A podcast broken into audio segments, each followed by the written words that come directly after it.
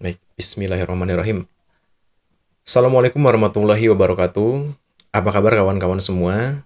Terima kasih yang masih setia dengerin gue ngoceh. Mudah-mudahan dari gue ngoceh, dari gue beropini gitu ya, ada sesuatu yang bisa diambil, ada manfaat, ada hikmah, ada sesuatu yang bisa teman-teman pelajari. Cerita kali ini cerita tentang penjaga jembatan dan sang anak. Cerita ini gue dapat dari buku berjudul Design Your Hope, karya Andra Donata. Buku ini juga cukup menarik, cukup bagus untuk kita tetap memaintenance, untuk tetap berada dalam pikiran yang positif, karena menurut buku ini ternyata sebagian besar uh, apa sebagian besar orang memutuskan untuk bunuh diri bukan karena kekurangan harta, apalagi kekurangan cinta, tapi karena dia sudah kehilangan harapan untuk menjalani kehidupan ini. Nah, dalam buku ini juga ada satu cerita yang cukup menarik tentang bagaimana kita menentukan atau melihat critical thinking ketika dihadapkan ke dalam suatu kejadian atau ya suatu momen dalam hidup kita ini yang dua-duanya tidak kita sukai. Tapi kita tetap harus memilih pilihan mana yang akan kita pilih. Gitu ya. Cerita tentang penjaga jembatan dan sang anak.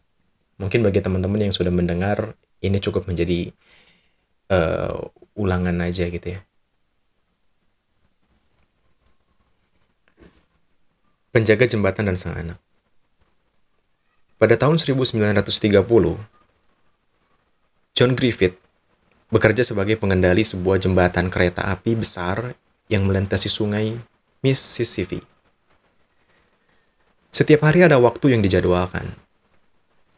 John bertugas untuk membuka jembatan agar kapal tongkang dan kapal besar dapat melintas sungai tanpa menabrak jembatan. Kemudian menutupnya sesuai jadwal yang ditentukan, agar kereta dapat melintas kembali.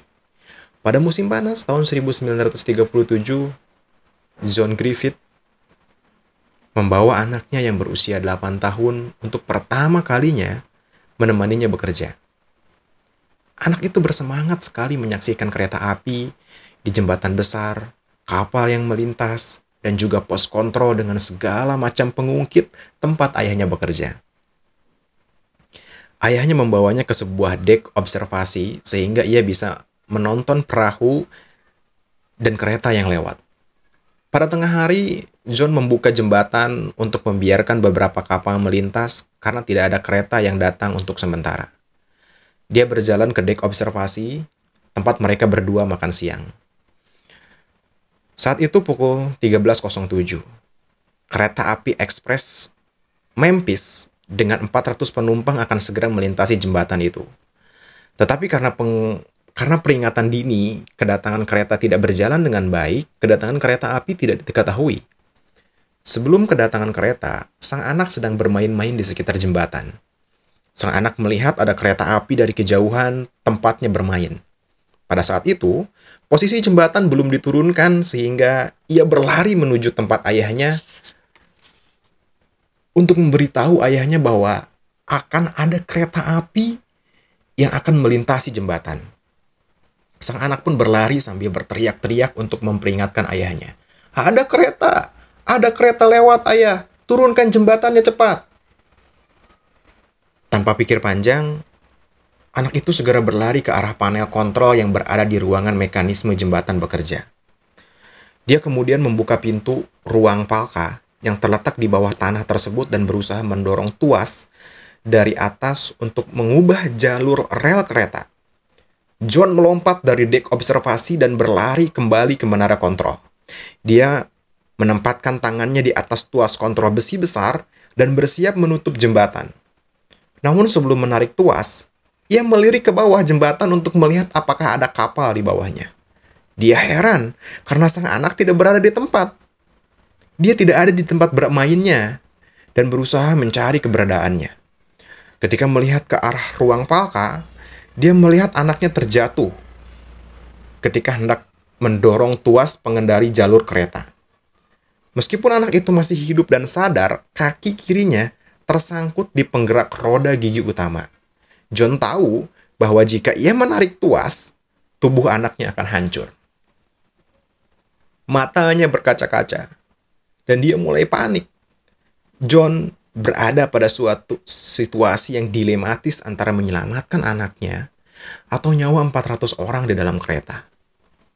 Jika John berlari ke menara observasi dan berusaha menyelamatkan anaknya, ia tahu bahwa waktunya tidak akan cukup untuk kembali ke dek kontrol dan menarik tuas jembatan.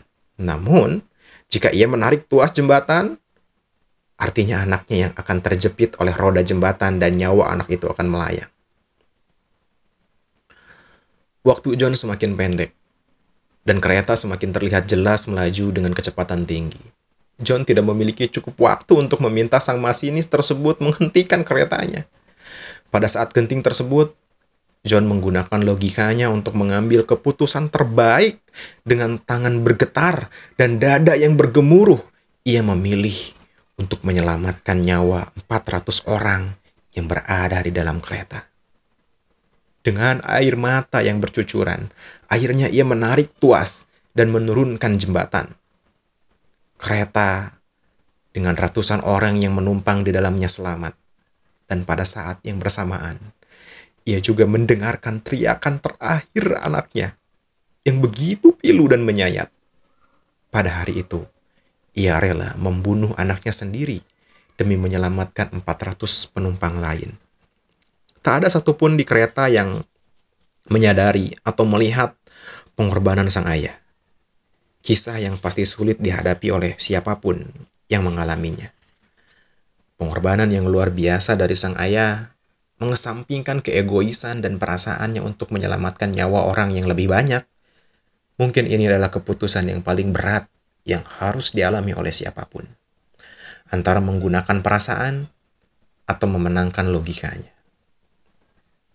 Baik, teman-teman, kita sering kali berada pada di situasi yang mungkin gak sedilematis John gitu ya.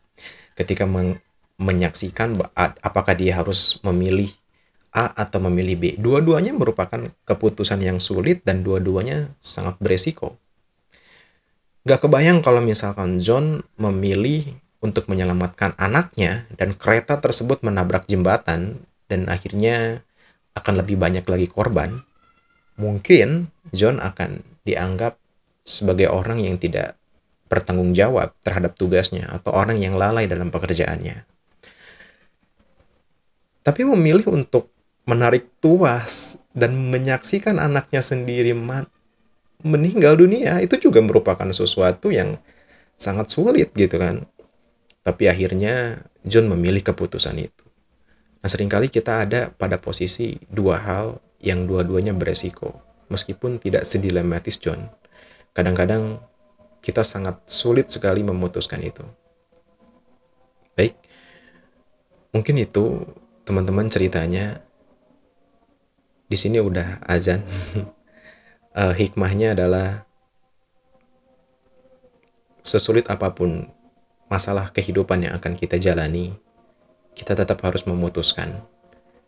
Kita tetap harus memilih salah satu dan ketika kita memilih itu lengkap dan satu paket dengan resiko atas yang kita pilih.